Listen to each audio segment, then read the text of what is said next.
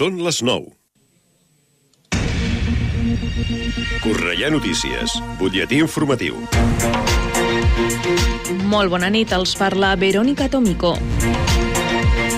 Cornellà participa a la campanya ambiental Fem sortir els colors del gris per a millorar la gestió dels residus.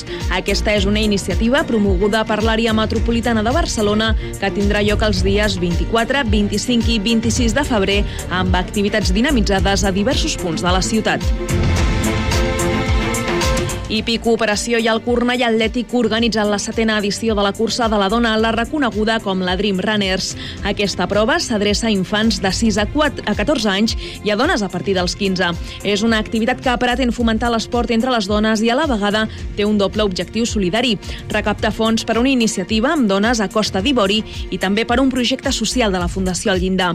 La prova consta d'un recorregut de 5 quilòmetres que tindrà lloc el diumenge dia 5 de març a partir de les 10 del matí. Les inscripcions ja estan obertes. I Cornellà torna a participar novament al Festival de Dansa Metropolitana que tindrà lloc entre el 9 i el 26 de març. La programació de l'edició d'aquest 2023 tindrà lloc a 12 municipis metropolitans, entre ells Cornellà. En total, el Dansa Metropolitana oferirà 331 activitats diverses que tenen com a objectiu facilitar el diàleg entre els crítics, els artistes i també el públic. Fins aquí aquest butlletí informatiu. Poden seguir informats de l'actualitat de la nostra ciutat al Cornellà Notícies de la una del migdia, als butlletins horaris i a l'app i la web de Ràdio Cornellà. També trobaran les darreres actualitzacions i notícies al radiocornellà.cat i a les xarxes socials de la ràdio, Twitter, Facebook i Instagram. Ara el temps. Connectem amb l'Agència Estatal de Meteorologia. Bona nit. Demà dijous a Catalunya esperem cel ennubulat o cobert amb precipitacions generalitzades i acompanyades de tempesta. A la meitat est, els xàfecs seran localment forts i podrien ser persistents, a més de venir acompanyats de calamarsa. La cota de neu baixarà des dels 1.400 o 1.600 metres fins als 600 o 800 a últimes hores, amb importants acumulacions al Pirineu, especialment al vessant nord, i que probablement s'extendran de forma menys abundant a zones del prelitoral occidental. Això sí, acumulacions d'entre 15 i 20 centímetres de neu al Pirineu al llarg de 24 hores. Temperatures mínimes en lleuger descens, que es donaran al final del dia i que poden arribar als 8 graus sota zero, amb gelades al Pirineu i temperatures màximes que també baixaran de forma generalitzada, arribant fins als 15 graus a Barcelona i Tarragona, 14 a Girona i 10 a Lleida. A més, ben variable fluix. És una informació de l'Agència Estatal de Meteorologia. L'informació de Cornellà. Més a prop, impossible. Ràdio Cornellà, 104.6 FM.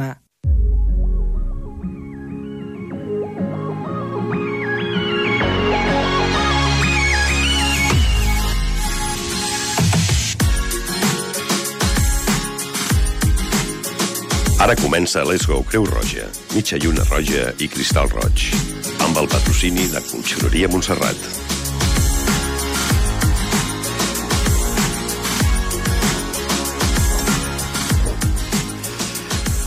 Bona nit, companys. Dimecres, dimecres 22 de febrer de 2023. Tornem a estar aquí a l'hora de Creu Roja, ben acompanyat, com sempre, Rosa Maria, bona nit. Bona nit.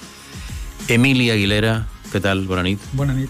Marc Fort, que està al control, que ja està fent la seva senyal de OK, i un servidor, Joan Garcia. Avui tractarem molts temes. Com sempre, parlarem d'un any de conflicte a Ucraïna perquè dintre de dos dies, demà passat, és, ja farà un any. Eh? El dia 24 de febrer de l'any 2022 va fer, es va fer la invasió famosa que encara continua amb un conflicte bèl·lic. Resolució de conflictes és una fórmula establerta dintre de la diguem, a, a modus de mediació i, de, i diguem, de, de, de determinades formes de procedir a l'hora de resoldre els conflictes entre les persones. I parlarem dels tipus de conflictes intrapersonals, personals, etc etc. I un enfoque holístico para la prevención del suicidio. Eh, com sabeu, aquí a l'hora de Cruz Roja sempre toquem d'una manera o d'una altra, en diferents moments. Parlem del suïcidi perquè és una preocupació també i és un programa social que està portant a terme Creu Roja. És a dir, sabeu que hi ha un telèfon concretament per parlar amb determinats psicòlegs i per parlar amb gent que està preparada sobre aquests temes? I nosaltres anem reproduint les notícies que tenim de tant en tant per no oblidar-nos de que és una atenció i una, diguem, un objectiu, que és intentar que mm, aquestes persones que opten per una solució tan dràstica eh, doncs eh, s'ho pensin bé, eh, sàpiguen que tenen gent que, estan, que, que són estimats aquí a la Terra i que el que han de fer és viure i viure el millor possible. El salari mínim interprofessional és eh, avui el contingut de la nostra companya Mayalem Prieto i ens explicarà la pujada que hi ha hagut darrerament i dels efectes que porta, diguem, dintre de la contractació laboral. Olga Giorgi i les seves endivinalles, que avui també ens eh, tindrà una mica, diguem, sorpresos per quina és la solució i quina és l'endivinalla que proposa per la setmana que ve. Uh, hoy viajamos, adivinanza geogràfica de Mayalén, que la setmana anterior vam tenir, i si recordeu, era una ciutat que està ubicada al nord, a la franja cantàbrica eh, de, del país, i que era una ciutat que deia que per metro quadrat era la que més estrelles Michelin tenia. O sigui, això vol dir que es menja bé, eh? i per tant haurem de saber avui la solució i saber on hem d'anar si volem menjar molt bé, a banda de que hi ha una platja molt bonica i hi ha molt bona gent. Uh, per fi, per fi tindrem la migranya, que l'hem tingut durant dos o tres programes anteriors i mai podíem parlar de migranya. S'havia tornat ja en un mal de cap. És a dir, allò no teníem solució, no sabíem què fer ja.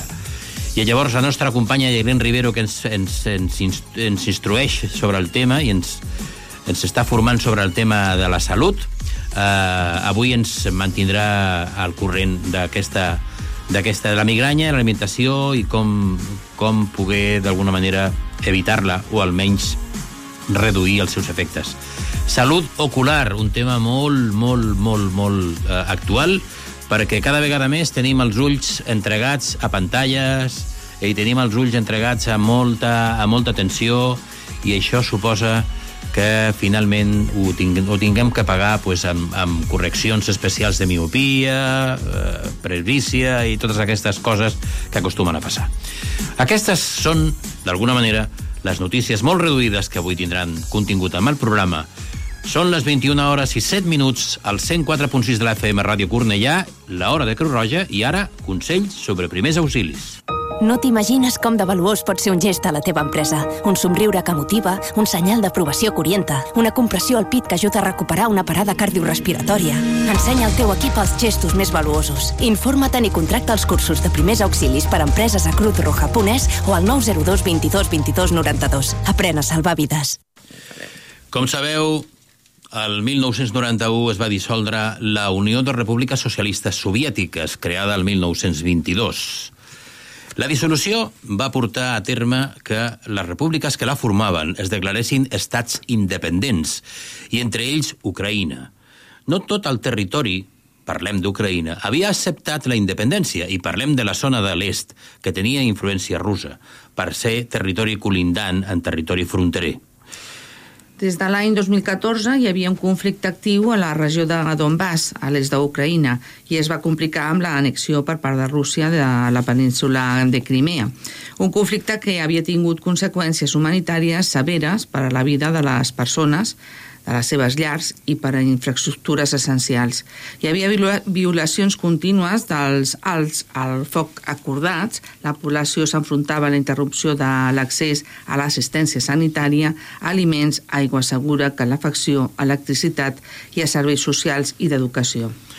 A l'any 2022, després de setmanes de tensions creixents a l'est d'Ucraïna, i concretament el 24 de febrer 2022, molt aviat farà l'any, és a dir, demà passat, les tropes de Rússia van entrar al territori ucraïnès. Es van promoure forts atacs, incloent-hi a la capital Kiev, el que va forçar moltíssimes persones a refugiar-se en albergs, en el metro. Les tropes russes van desplegar la seva presència a Ucraïna i van originar enfrontaments a diverses ciutats principals del nord, de l'est i del sud del país.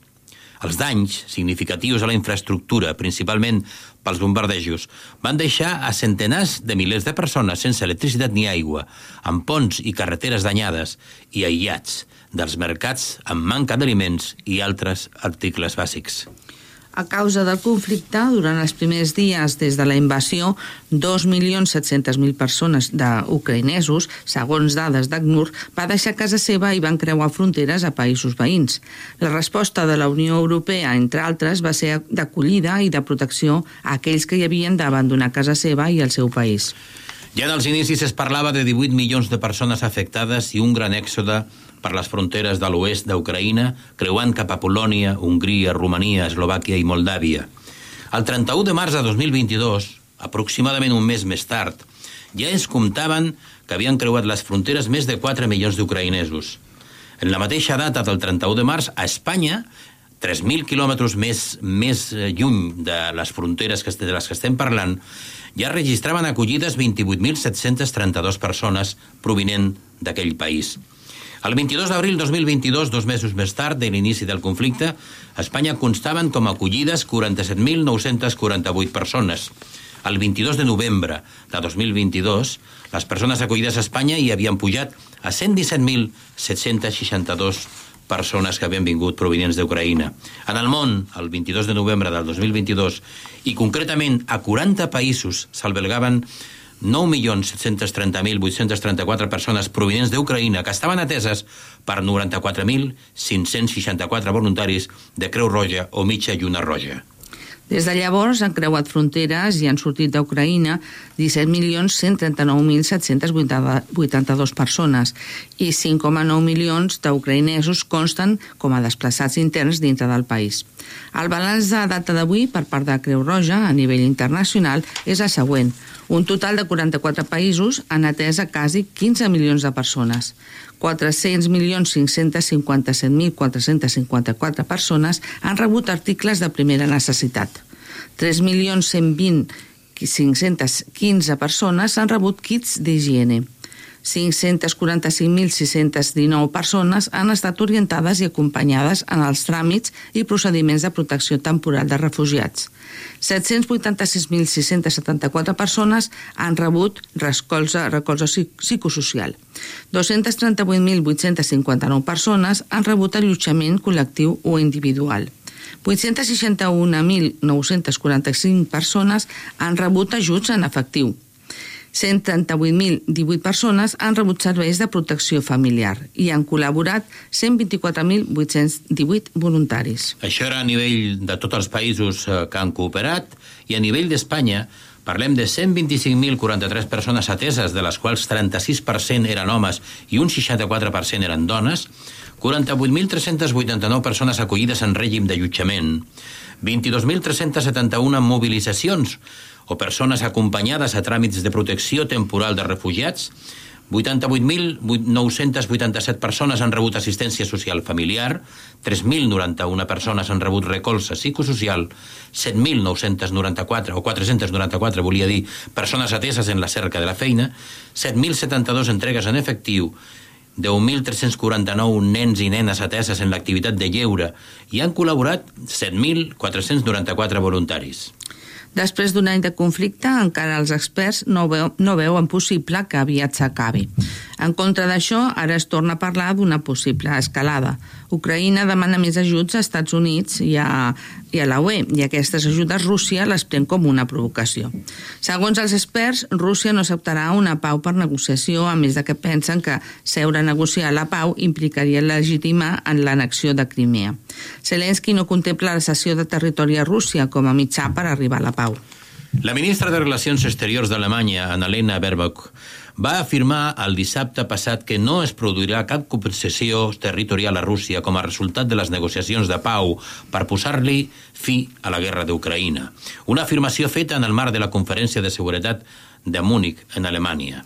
Mentrestant, mentrestant, els Estats Units mantenen que la Xina podria portar armament a l'exèrcit rus, el que suposaria un nou escenari allunyat de la tan esperada pau una tan esperada pau que suposa que concretament la gent que viu allà, de moment, que està allà vivint encara a, a Ucraïna, es trobi amb problemes com que han normalitzat les sirenes eh, aèries i ja quan sonen les sirenes la gent no va corrent cap al metro o cap a refugiar-se a puestos on no siguin d'alguna manera danyats per, per els, els atacs on, per exemple, cada vegada que han d'abandonar un camí han de tenir en compte que hi ha molta mina que està encara eh, al bosc eh, instal·lada amb la intenció de matar. Simplement aquesta és la conclusió. No és eh, conquerir determinats territoris i, i, i fer-se territoris, sinó és matar a les persones i sobretot a persones que són civils, que no, no són gent que està eh, entrenada per, per anar a la guerra. I, per exemple, doncs, com parlaven eh, les notícies d'aquesta última setmana, que determinades eh, mm, eh, mines navals que estaven situades en el, en el Mar Negre doncs, eh, s'han lliurat del, del puesto on estaven instal·lades i les aigües les van, les van acompanyant cap a la platja i es troben a gent civil que no té res a veure i que finalment eh, són sobtats per una mort vinguda de, de, de sobte per una, per una qüestió d'una mina naval que s'ha escapat. Bé, aquesta és la situació i nosaltres el que esperem, tot i que en principi a la conclusió de la nostra notícia dèiem que en principi no hi ha una final, una, un fi a, a, a prop de la guerra d'Ucraïna, el que sí, el nostre desig no ho deixarem mai de tenir i d'exposar-ho i d'alguna manera de difondre-ho a través de la ràdio, i és que acabi el més aviat, el més aviat possible. Ansiedad, insomnio, depresión Llamar a las cosas por su nombre es de valientes. Pedir ayuda, si lo necesitas, también. Cruz Roja te escucha. Llámanos 900 107 917.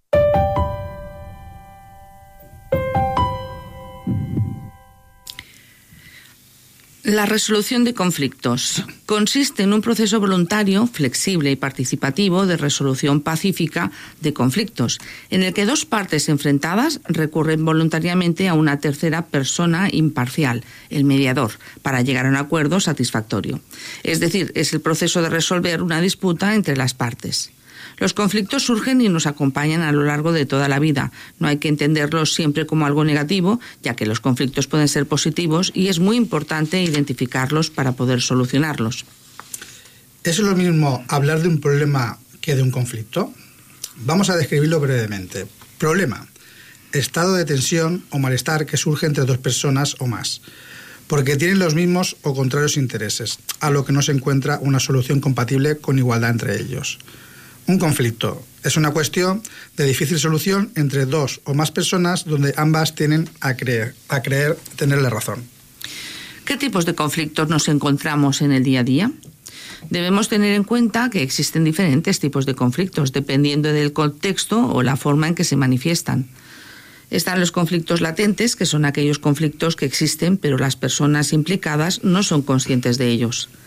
Y tenemos los conflictos explícitos o manifiestos, aquellos conflictos que son aparentes y reconocidos por las personas implicadas. También podemos encontrar conflictos interpersonales. Surgen en el interior de las personas consigo mismas. Están relacionados con los valores que posee o con cuestiones personales y o íntimas. También tenemos los conflictos interpersonales, aquellos que surgen entre dos personas por la intervención de una tercera persona una idea o por interés en un bien que los dos aspiran, es decir, por algo que los dos quieren. También tenemos los conflictos intragrupales. Se desarrollan enfrentamientos entre diferentes subgrupos dentro de un grupo mayor. Conflictos intergrupales nos referimos a aquellos que tienen lugar entre dos grupos bien definidos. ¿Cómo podemos solucionarlos? El proceso para resolver cualquiera de estos tipos de conflictos es el mismo y se basa en siete pasos para que podamos seguir. Definir el problema, buscar el origen o la causa que da lugar a la situación que se está viviendo, intentando responder a las siguientes preguntas. ¿Qué va mal? ¿Qué ocurre? Analizar las causas, tener presente el porqué del conflicto.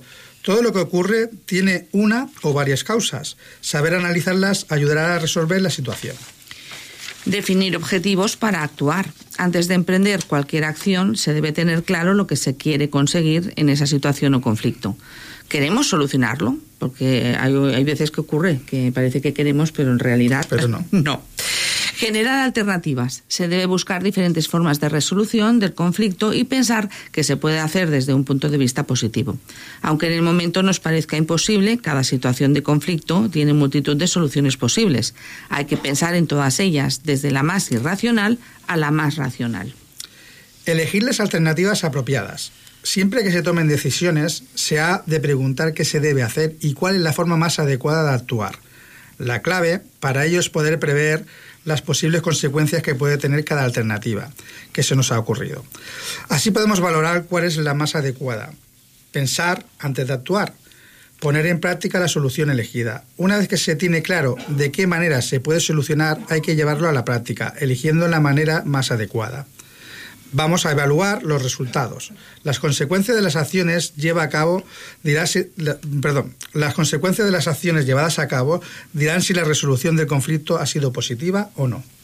Cuando los conflictos se produzcan entre personas, es decir, sean interpersonales, tenemos también técnicas de resolución pacífica que se pueden aplicar, como a través de las técnicas de negociación, conciliación, arbitraje y mediación. Tornarem a Barcelona alguna nit de juliol. Asseguda a la plaça del sortidor Aquí t'espero com si fos el primer bar La bohème em comença al carrer Blai que és la petita rambla del poble sec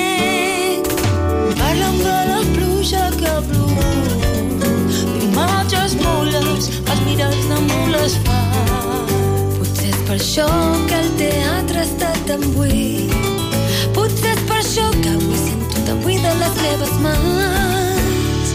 Tornarem a posar els peus damunt la sorra a la platja de Barcelona una nit de juliol.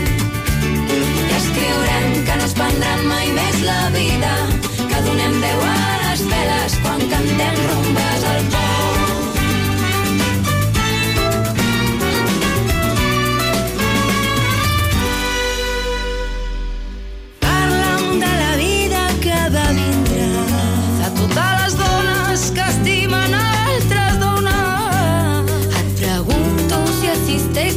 Humanitat, si hem de declarar la guerra a algun exèrcit d'ignorants.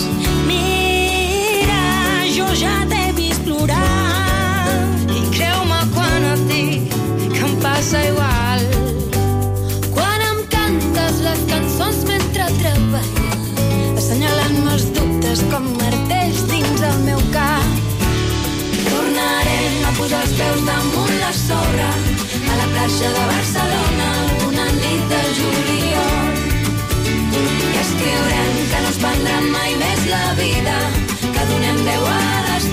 quan cantem rumbes al pou.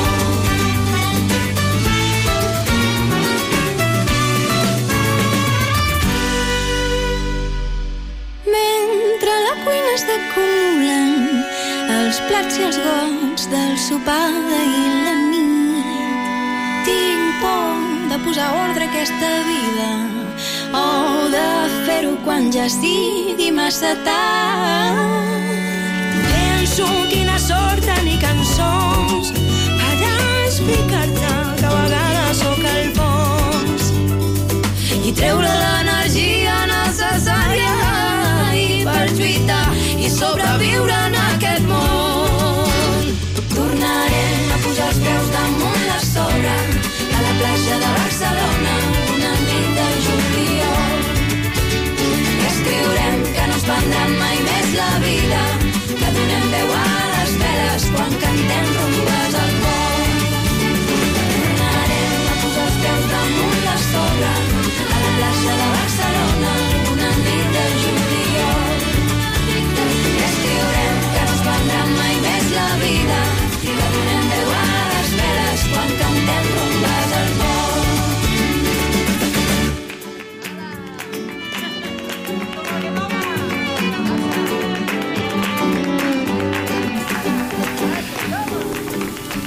Decíamos al inicio del programa, existe un programa social pro- promovido por Cruz Roja e incluso existe un programa también social promovido por el Estado en general de prevención del suicidio. María Quesada es periodista y autora de La Niña Amarilla. Relatos suicidas desde el amor es el título de su libro y concretamente habla de la conducta suicida, que incluye ideas, planes, intentos y suicidios consumados. Es un problema grave es un problema social, es un problema de salud pública que existe en todo el mundo y que lleva incrementándose en España en los últimos 10 años de una manera casi, casi vertiginosa, lo que tampoco debería de ocurrir. Según datos del Instituto Nacional de Estadística, en el año 2020, 3.941 personas, eh, es decir, un 7,4% más que en el 2019, se quitaron la vida en nuestro país. 11 personas al día, el triple de hombres que de mujeres. Por cada persona asesinada se suicidaron 11,8 más, entre ellas 14 menores de 15 años, 7 niños y 7 niñas. Con máximos históricos, el número de suicidios sin poder contabilizar de manera fiable los intentos de suicidio ni las propias muertes. A veces tapadas con accidentes. Es necesario tomar medidas urgentes para paliar el sufrimiento de nuestra población manifiesta. Detrás de cada suicidio hay una historia de dolor emocional y una familia y amistades de supervivientes que sufrirán un duelo muy difícil por la pérdida de un ser querido. Y mañana te puede tocar a ti o a alguien en tu entorno. De hecho, a mí ya me pasó. Tuve pensamientos e indagaciones hasta que intenté suicidarme. Tengo la inmensa suerte de estar aquí escribiendo hoy cuando 11 personas no la tendrán dejando un dolor inmenso. La verdad, me hubiese gustado saber que no me pasaba a mí sola, que era, la era posible aliviar el sufrimiento que sentía, que podía pedir ayuda y hay recursos para mí. La pandemia ha agravado la situación social de muchas personas y nuestra salud mental se ve afectada directamente. Sin embargo, el problema ya lo teníamos antes, por lo que si queremos cambiar esta realidad, urgen acciones para visibilizar el problema desde todos los sectores sociales y sobre todo recursos para evitar el mayor número de muertes posible. La buena noticia es que el suicidio se puede prevenir si despertamos al problema, lo miramos de frente y ponemos soluciones. El suicidio es el problema causado por múltiples factores, lo que hace que sea difícil de tratar con métodos únicos, sean médicos, psicológicos, educativos, sociales o políticos.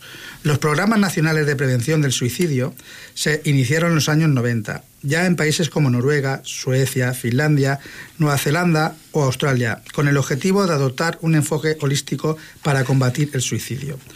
Hoy 38 países en el mundo cuentan con estrategias nacionales de prevención del suicidio, entre ellos Reino Unido, Canadá o Japón. Además, estudios como como Lewitza, Sauer, Mauer y Felber en la revista de investigación de psiquiatría en el año 2019 demuestran que una estrategia nacional es una herramienta eficaz para reducir las tasas de suicidio, como se indica en el marco de la OMS, Acción de Salud Pública para la Prevención del Suicidio. Es imperativo que los gobiernos, a través, a través de sus sectores sanitarios y sociales y más, inviertan recursos humanos y financieros en la prevención del suicidio. Mirar hacia otro lado no ha servido y bajar las cifras de suicidios, necesitamos un plan estratégico y multidisciplinar en todo el país. Pero ¿vamos a esperar a tenerlo para hacer algo? Por supuesto que no. Si tienes ideas suicidas o conoces a alguien en riesgo, algunas líneas de ayuda son o bien el teléfono 024, que está a las 24 horas del día, Cruz Roja te escucha el 900 107 917 900 107 917. Teléfono de la Esperanza 717 003 717. Teléfono contra el suicidio de la Asociación de Barandilla 91 138 53 85. Teléfono gratuito de ayuda a menores de la Fundación ANAR en el teléfono 920 20 10.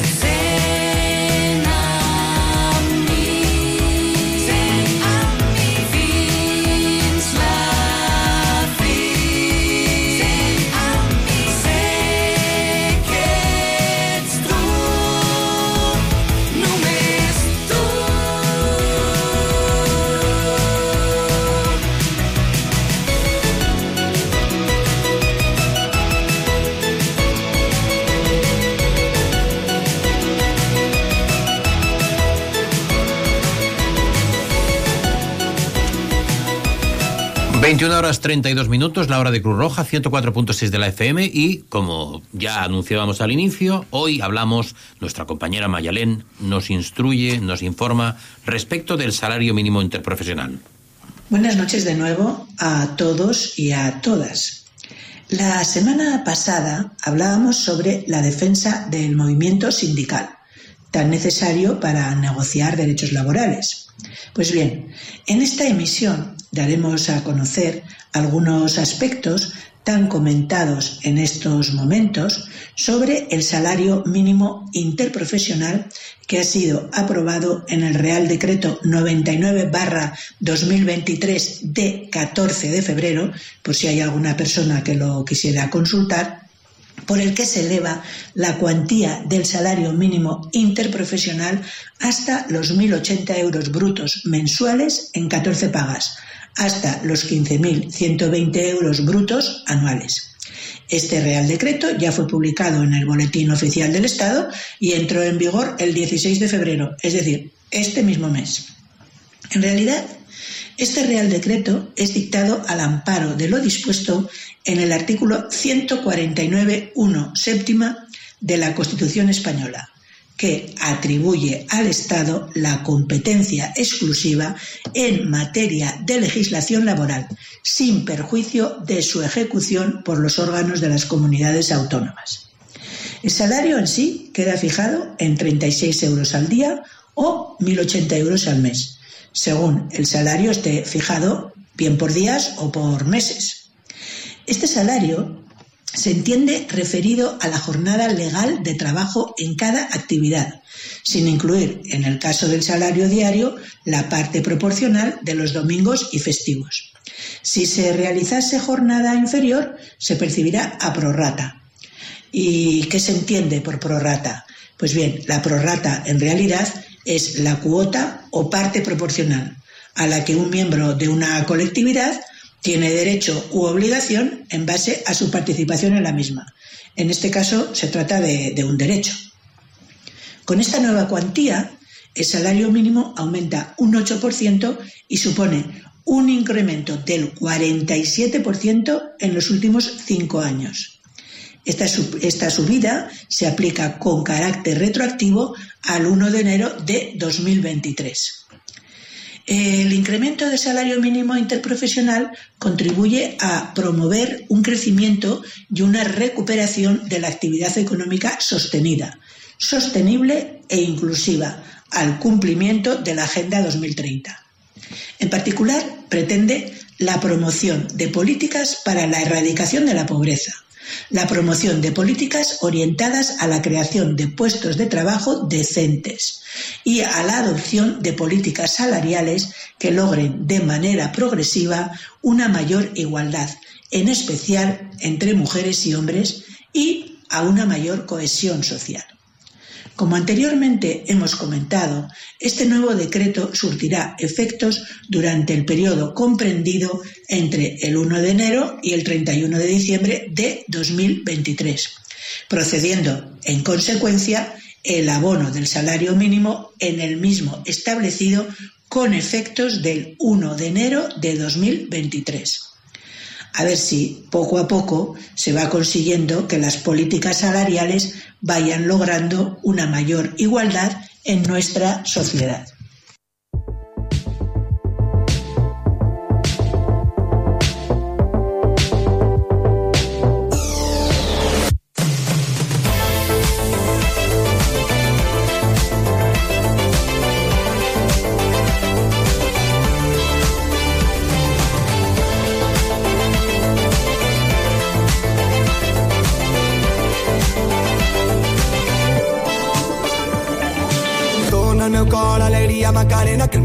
necessita alegria i cosa bona. Dona al meu cor alegria, Macarena, eh, Macarena.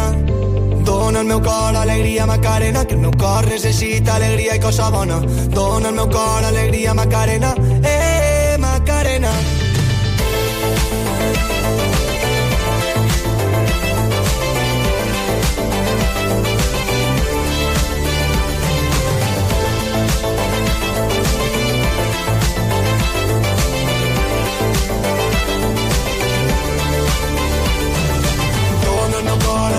Macarena, que el meu cor necessita alegria i cosa bona. Cor alegria, Macarena, eh, Macarena. Cor alegria, Macarena, que el meu cor necessita alegria i cosa bona. Cor alegria, Macarena, eh, Macarena. Macarena, quan tu cantes, fas moure, la meua medicina, que la música que sona quan tu balles, m'alça i m'ompli de vida. Macarena, tot meu dones quan tu cantes, que fas moure, és la meua medicina, que la música que sona quan tu balles, m'alça i m'ompli de vida.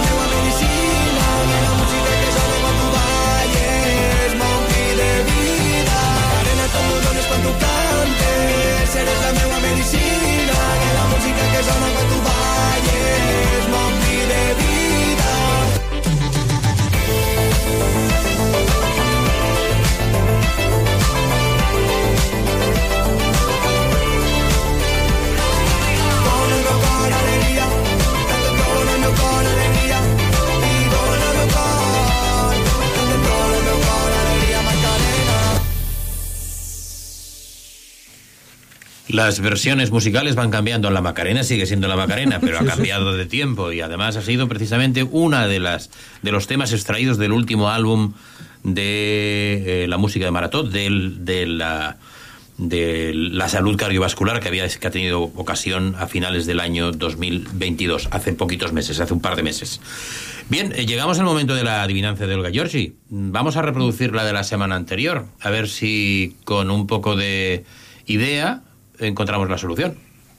En un solo año la he visto joven, la he visto vieja, la he visto verde, la he visto seca y he visto que corría aún después de que moría. La he visto joven, la he visto vieja, la he visto verde, la he visto seca. Mm, yo creo que la cosa está muy clara. Y además corría eh, en algún momento dado y eso era la hoja, concretamente la hoja. Sí, sí, pues no lo teníamos muy claro porque no ha llamado nadie. que para estaba decirlo, ¿eh? impulsada, no ha llamado nadie hoy porque esto era de la semana pasada. Esto es de la semana pasada. La hoja. Y la adivinanza de esta semana mm, es concretamente esta. Es vida para la pla- las plantas, es gozo para la boca, y cuando baja del cielo moja todo lo que toca. Es, eh, Sencillita, es esta sencillita, ¿eh? sencillita. Y Esta cuando baja del cielo moja todo lo que toca. La solución al 666 88 88 21 mediante un audio ¿eh? al 666 88 88 21 y el premio rodará Emilio.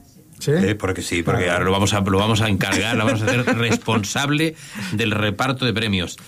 El 666 88 88 21 la solución que es fácil, porque cuando baja del cielo moja, o sea que fácil, es fácil. Lo dice todo. Y estábamos en el viajar, en la forma de viajar. Nuestra compañera Mayalén la semana anterior nos decía algo así sobre una ciudad del norte. Vamos a ir de nuevo al norte y os vamos a situar en Euskal Herria. Este municipio al que os llevamos se asienta a orillas del Cantábrico y tiene varias playas y un pequeño puerto. Un río que desemboca en el mar Cantábrico atraviesa la ciudad. A la muerte del rey Alfonso XII de España en 1885, su viuda, la reina regente María Cristina, se trasladaba todos los veranos con toda la corte a este municipio, residiendo en el Palacio de Miramar. En la actualidad, unido a eventos internacionales como el Festival de Jazz, la Quincena Musical o el Festival de Cine de Terror, ha dado proyección exterior a la ciudad, a pesar de sus pequeñas dimensiones. Fue capital europea de la cultura en 2016, junto con Breslavia, Polonia. Un valioso patrimonio artístico se exhibe en esta ciudad, cuya costa, calles, parques y jardines se han convertido en un verdadero museo al aire libre. Se dice que es la ciudad del mundo con mayor número de estrellas Michelin por metro cuadrado. Mayor número de estrellas Michelin por metro cuadrado. Hace un festival de cine. De terror. De terror. Y además eh, desemboca un río que creo que se llama Urumea. Está en el norte. Tendremos que hacer unos pinchos allí. ¿verdad? Tiene, por ejemplo, y además tiene una playa que se llama La Concha.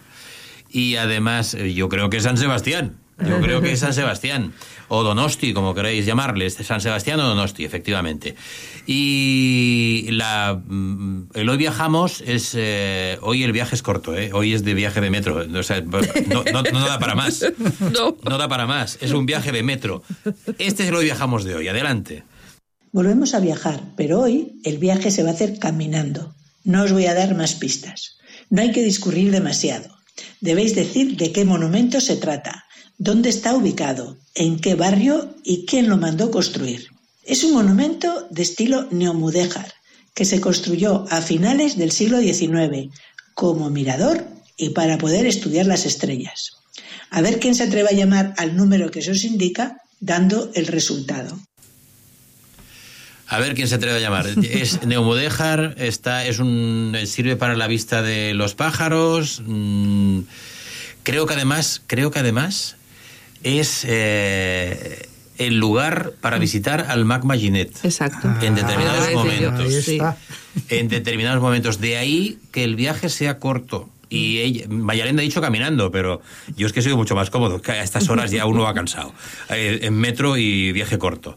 Eh, la solución al 666 88 88 21 666 88 88 21 y tenéis que decir de qué monumento se trata porque muy lejos no anda. Y además se ilumina. Determinadas noches especiales se ilumina con el color especial de, digamos, de la celebración específica, que siempre hay un color que tiene mucho que ver con determinada celebración. Y, y hemos, hemos acabado el viaje de hoy. Eh, ahora nos toca, y ah, no se nos va a escapar, porque las, eh, los días anteriores escapaba siempre, no teníamos nunca tiempo de hablar de la migraña y esas cosas. Y lo cierto es que hoy sí que lo tenemos.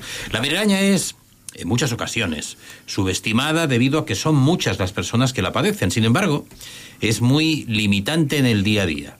En total, esta dolencia afecta a más de 5 millones de españoles aproximadamente, y según señalan los datos de la Sociedad Española de Neurología. Los principales factores que convierten la migraña en algo crónico son el sobrepeso, la depresión, los trastornos del sueño y sobre todo la automedicación, la falta de diagnóstico y falta de tratamiento adecuado. Es más, eh, un 3% de los pacientes que padecen migraña episódica, menos de 15 días al mes, pasan a sufrirla de forma crónica. La migraña es uno de los 190 dolores de cabeza tipificados por la medicina con lo cual, en algunas ocasiones, ni siquiera está diagnosticada como tal, lo que dificulta todavía más el seguimiento del tratamiento eficaz. Asegura el quiropráctico orientador en salud y experto en nutrición Ata Pourami al, al mundo. Oramini es también autor de Tú eres tu medicina y Escuela de la Espalda. Según él, incluso en determinados pacientes, a pesar de haberse localizado el origen del dolor, no se consigue dar con una solución eficaz que alivie lo que para muchos se ha convertido en un verdadero suplicio. Pero no todos los dolores de cabeza son migraña. Por ello, es importante aprender a reconocerla. Lo que permite distinguir la migraña de otras cefaleas es su prevalencia en el lado de la cabeza, con latidos o pulsaciones rítmicas de diferente intensidad. Puede aparecer asimismo acompañada de vómitos, mareos y fotofobia. En algunos casos, el episodio puede prolongarse hasta los tres días, por lo que está considerada una de las causas más comunes de baja laboral. Conocidas eh, los síntomas, más o menos, e incluso las comparaciones con los dolores de cabeza, lo que sí es bueno conocer, y es lo que os vamos a avanzar, son las posibles causas de las migrañas. Este dolor podría tener un origen hereditario, según explica el quiropráctico. Además, las mujeres la padecen en una proporción de 4 a 1 con relación a los hombres, especialmente al llegar a la madurez y la menopausia. Por otra parte, tanto el estrés como los problemas musculoesqueléticos, sobre todo los asociados a la zona cervical, muy cargada por el abuso de los dispositivos electrónicos, se suman a las causas más conocidas. El denominador común de todos estos casos es que la migraña son debidas a la dilatación de los vasos sanguíneos, producida, a su vez, por dos hormonas, la serotonina y el cortisol. Además, la razón por la que suelen aparecer durante el fin de semana, cuando llegan los momentos de relajación, después de una semana ajetreada, es porque disminuyen los niveles de cortisol. Estos son muy altos durante los momentos de actividad nerviosa y bajos en los casos contrarios. Por lo tanto, recomiendo una vida lo más tranquila posible y evitar dormir boca abajo. Aunque la solución más usada son los fármacos, estos pueden tener el efecto contrario. En vez de mitigar el dolor, hacer que aumente. Los tratamientos farmacológicos incluyen productos que contienen serotonina. Si los tomamos más de dos mm, veces por semana, se puede producir el efecto rebote y dar lugar a más dolor, explica Pouramini. Y aunque parezca mentira, existe una relación intestino-cerebro y cómo influyen las migrañas. Cada vez son más los estudios que confirman la estrecha relación entre el intestino y el cerebro.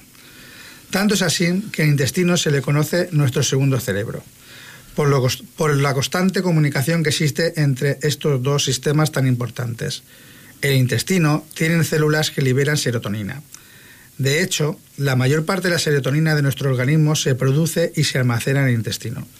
Además, continúa con algunas de las claves de esta relación intestino-cerebro. Si nuestro sistema digestivo no funciona de forma óptica, no será posible mantener niveles adecuados de serotonina, lo que provocará en muchos casos la aparición de inflamación y dolor asociado a la migraña. La inflación que aparece cuando la permeabilidad del intestino está alterada y la microbiótica alterada impide una correcta absorción de ciertos nutrientes que son claves para evitar las migrañas. Como el magnesio, además, añade que el magnesio es un segundo catión intracelular más abundante. Desempeña un rol esencial en numerosos procesos intracelulares y tiene un papel muy importante en la patogénesis de las migrañas. Otras deficiencias nutricionales asociadas a la aparición de migraña están relacionadas con la coenzina Q10, la vitamina D, el ácido fólico y la riboflavia. Concluye. Y ahora veamos los alimentos que pueden estar relacionados con las migrañas. La soja y, su- y sus derivados. Gluten es la proteína que está en el trigo, por eso hay que eliminar la pasta, el pan o incluso la bollería, a pesar de que no lleven gluten porque contienen muchos aditivos y azúcares. El glutamato monosódico, muy frecuente en la comida asiática. Los lácteos, la caseína, que es la proteína de los lácteos, también puede ser la responsable de provocar una migraña. Los huevos. El chocolate y el dulcerantes. El vino y el café. Los plátanos y cítricos. Productos ahumados. Y levaduras. Y con ello, finalmente llegamos a las soluciones no farmacológicas para este tipo de dolencias. El orientador en salud indica algunas de las formas para reducir el dolor de migraña. Eh, quiropráctica. Está eh, más que demostrado que con sesiones de quiropráctica se puede aliviar y bajar la intensidad de las migrañas. Enzima DAO. Su aparición también está relacionada con una deficiencia de la enzima diamino oxi- oxidasa. Lo ideal es hacerse una prueba para saber si estamos en ese caso de ese tipo. Y si es así, se puede tomar en forma de pastilla. Suplementos de magnesio. Hay muchos estudios que han demostrado que tomando dosis altas de vitamina B2 se, se puede reducir la frecuencia de las migrañas hasta un 50%.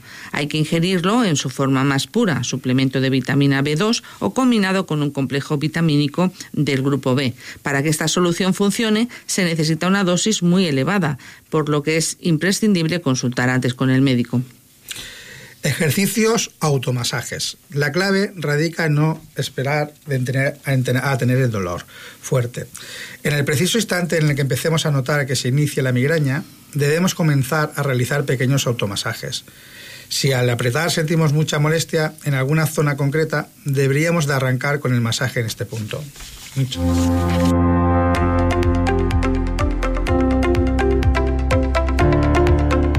Roja Juventud es la sección juvenil de Cruz Roja Española en la que podemos estar hasta los 30 años. Compartimos los mismos valores, nos dedicamos a hacer eh, un montón de proyectos y actividades Y nosotros, sobre todo, lo que tratamos es de empoderar a la juventud, de más bien de ser conscientes de los problemas sociales que nos envuelven, ya sea las desigualdades, la exclusión social, la pobreza. Pues las actividades que hacemos anualmente eh, tenemos dos modalidades que son como proyectos que tienen actividades todos los días.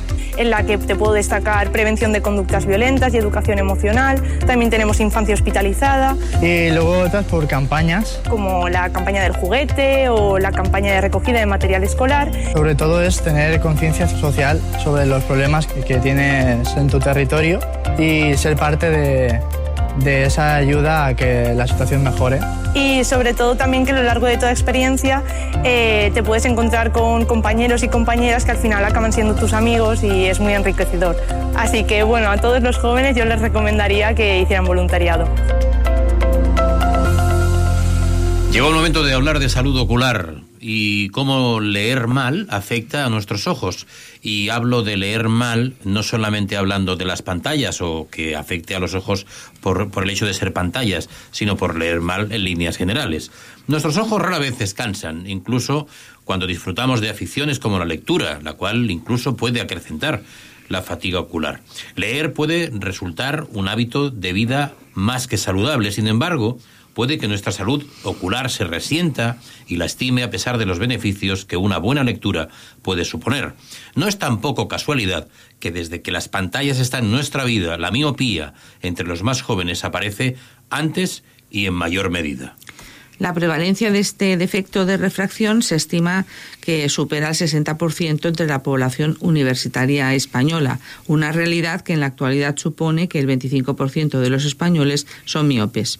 El dato preocupante es que seguirá creciendo, pues se estima que en las próximas dos, dos décadas el número de miopes en nuestro país superará el 50% de la población. Esto no quiere decir que otros problemas de salud ocular, a veces no vinculados a defectos refractarios como la hipermetropía o el astigmatismo, sean de menor calado. Vista cansada, la famosa presbicia, el síndrome del ojo seco, la fatiga oftalmológica o el bautizado como síndrome visual informático suponen nuevos frentes para la salud ocular. Un problema al alza que incluso con un hobby tan aparentemente sano como la lectura puede empeorar. Así lo asegura el Colegio Nacional de Ópticos Optometristas de España, que advierte de que la población española no sigue los correctos hábitos de lectura. Efectivamente, eso lleva a una sintomatología de una mala lectura en la salud ocular. Algunas de las sintomatologías pueden ser sequedad ocular, picor de ojos, visión doble o dolores de cabeza. Sin revestir apenas eh, gravedad en un inicio, es muy habitual que consideremos como normales ciertos síntomas relacionados con la salud ocular. De todos ellos, la fatiga ocular es el, la fatiga ocular es el más recurrente, ya que se trata de una afección bastante común, principalmente en el dominado síndrome visual informático, donde las personas que leen a menudo en pantalla suelen sufrirlo. Entre los ejemplos, libros electrónicos mal iluminados, tabletas, ordenadores y teléfonos móviles. El mal uso de estos dispositivos supone que el CNO, Colegio Nacional de Ópticos Optometristas de España, haga hincapié en la importancia de usar soportes digitales homologados para la lectura. Además, recuerda la necesidad de compensar con gafas o lentes de contacto los defectos refractivos. En ellos se citan a la miopía, hipermeotro- hipermetropía, astigmatismo, donde mencionan que un mal uso prolongado de un dispositivo unido a un defecto visual sin compensar puede provocar fatiga visual, cefalea y mareos. No todas las pantallas son iguales, por eso hay que recordar las diferencias entre los distintos soportes. Ordenadores, tabletas y teléfonos móviles, además de televisores, son similares. Se debe que cuentan con pantallas de iluminación directa, lo cual supone para el usuario una fuente directa de luz donde mantener la mirada fija. En este caso, la lectura se recomienda en libros electrónicos. Su ventaja está en la tinta electrónica, que significa que la pantalla no está iluminada. La ventaja está en que, al ser iluminada desde fuera como ocurre con el papel, la lectura es más amable. Sin embargo, no significa que sea la panacea, ya que necesitaremos también una luz ambiental cómoda. La explicación del decano del Colegio Nacional de Ópticos y Optometristas vuelve a ser certera. La lectura de un libro electrónico, ordenador o libro en papel, independientemente de si la pantalla está retroiluminada o no, puede provocar fatiga visual, por lo que los descansos cada cierto tiempo son recomendables. Algunas de las pautas aconsejables son extrapolables buena parte al uso de las pantallas. Otras, sin embargo, sí se vinculan directamente a la propia lectura. En ambos casos conviene recordar que hay pautas a tener en cuenta para salvaguardar la salud ocular en los dos sentidos. Descansar cinco minutos por cada hora de lectura, relajar los músculos alternando la visión entre un objeto cercano y otro lejano cada 20 minutos, parpadear con frecuencia y, eh, si existe sequedad, acudir al óptico, ajustar el brillo y contraste de las pantallas para que esté en consonancia con la iluminación de la habitación, tratar de leer con luz apropiada, mejor si es natural, y optar por una iluminación lateral para evitar los reflejos. Al leer en un monitor, aumentar la velocidad de refresco de la pantalla, una cifra de 70-75 Hz, se considera una buena medida para reducir la fatiga visual. Si se utiliza un libro electrónico, mantenerlo a 35-40 centímetros de distancia de los ojos, ajustar el tamaño de la letra del dispositivo y no usar medios electrónicos si realmente estás cansado.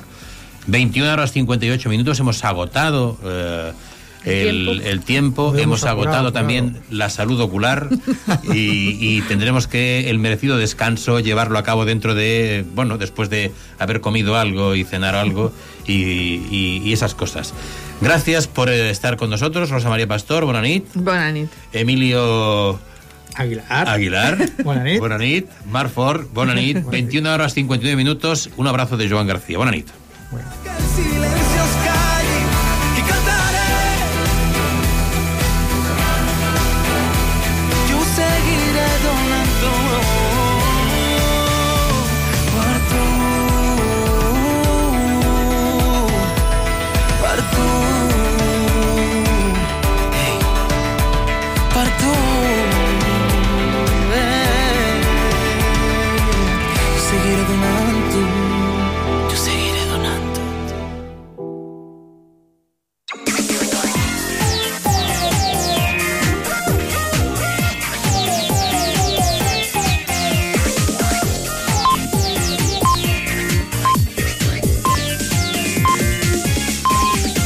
Les 10.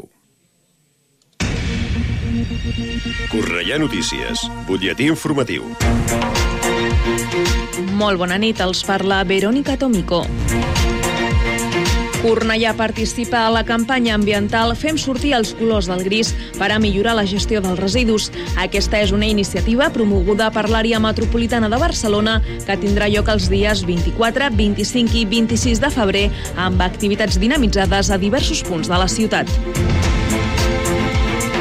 Hipi Cooperació i el Cornellà Atlètic organitzen la setena edició de la cursa de la dona, la reconeguda com la Dream Run.